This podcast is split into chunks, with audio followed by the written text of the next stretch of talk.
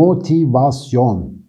Motivasyon konuşması. Motivasyonum yok. Bana motivasyon lazım. Her gün kullandığımız bir şey.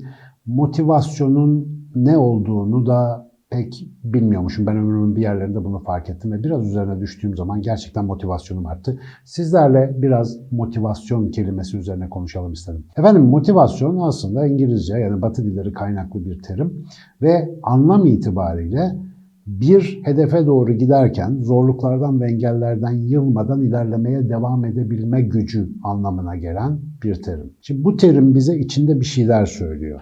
Bir hedefimiz olmalı bir kere motivasyon için. O hedefe gitme konusunda bir arzu hissetmeliyiz. Fakat bu arzu yeterince kuvvetli olmalı ki yolda giderken bir sürü engellerle, bir sürü sorunla, kendi tembelliğimizle, zaman uygunsuzluklarıyla vesaire birçok şeyle karşılaşacağız.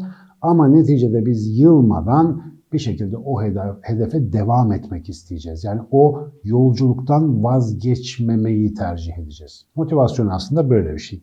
Şimdi benim yakın zamanda özellikle medyada bu konularda konuşmaya başlamamla, yani bu konuları insanların gündemine girmeye başlamasıyla da beraber özellikle etrafımızdaki genç arkadaşlarda ilginç geri dönüşler görüyorum. Mesela işte hocam sizi dinledim ya da hocam şöyle bir kitap okudum. Bir böyle bir coştum. Yani ben bu konuda bir şeyler yapacağım. İşte mesela bize geliyorlar arada bir diyelim benim okuldaki ofisime ya da Açık Bey'le. Hocam diyorlar biz bir şey yapmak istiyoruz. Feci gazlıyız. E tamam diyorum ne yapalım falan. Diyorlar ki ne olsa yaparız. Nasıl yani diyorum işte yapalım yani bir, şey diyeyim bir şey yapalım diyorum. Bizde bir dağıtacak iş yok yani neticede siz hani bir şey yapmak istiyorsunuz buyurun size alan açalım elden geldiğince falan.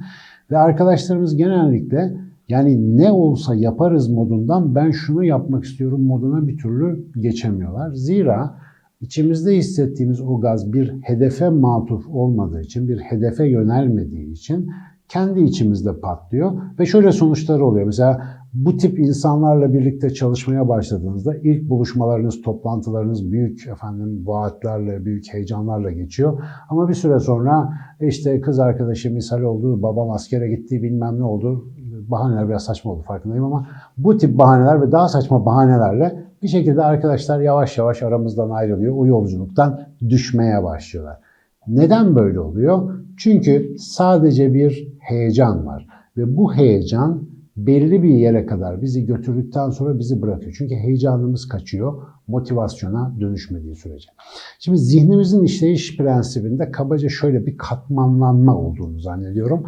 Bunu birçok farklı alanda psikolojide, kadim literatürde ya da bugünün sinir bilimindeki değişik konuları birleştirerek biraz çıkarttım. O da şu ki ilgi, heyecan ve motivasyon. Üç katlı bir yapımız var bizim.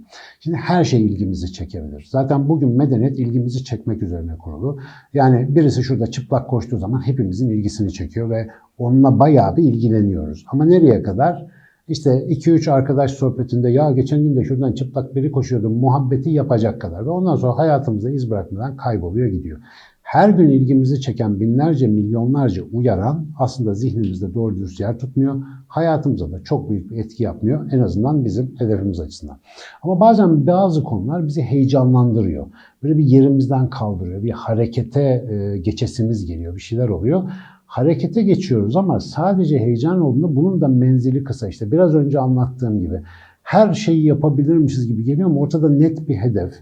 Kendini tanımayla ilgili yeterli donanım, ben ne yapabilirim bilgisinin yeterli ödev yapılmışlığı olmadığı zaman bir yere gitmiyor o heyecan. Bir süre sonra heyecanla saçılan enerji kişinin enerjisinin düşmesine ve tekrar hareketsiz kalmasına sebep oluyor.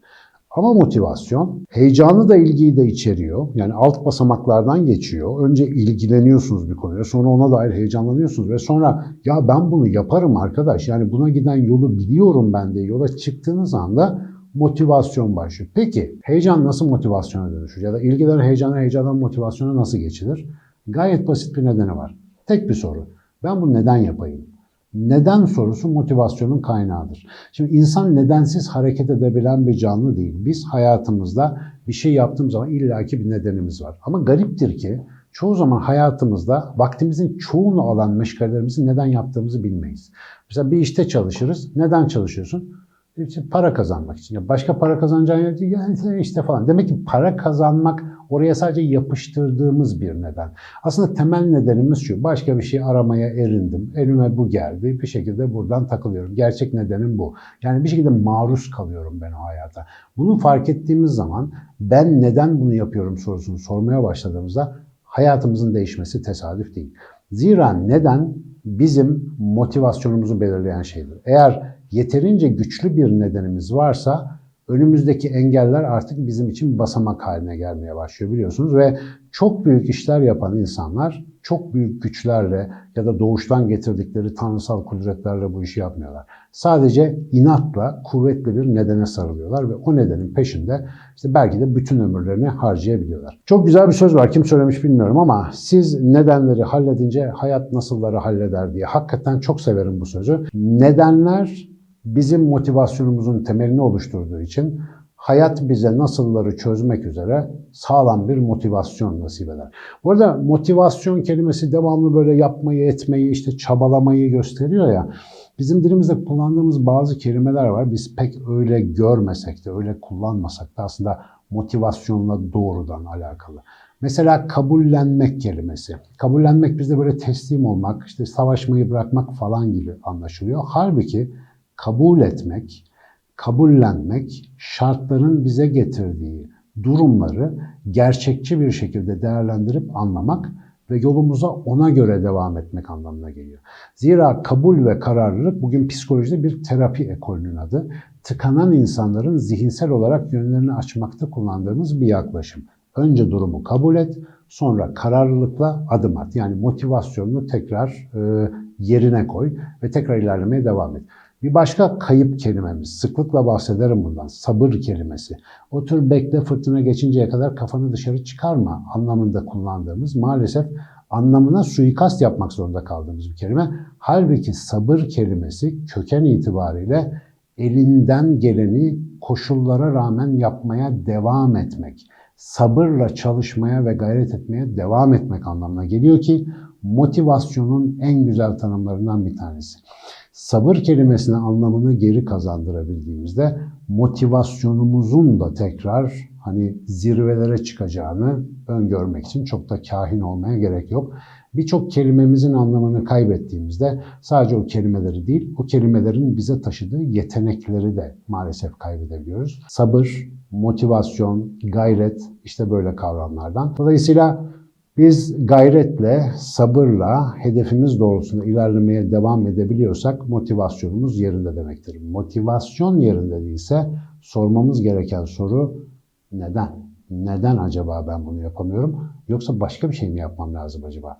Neden sorusunu daha sonra detaylıca sizlerle biraz daha konuşacağız.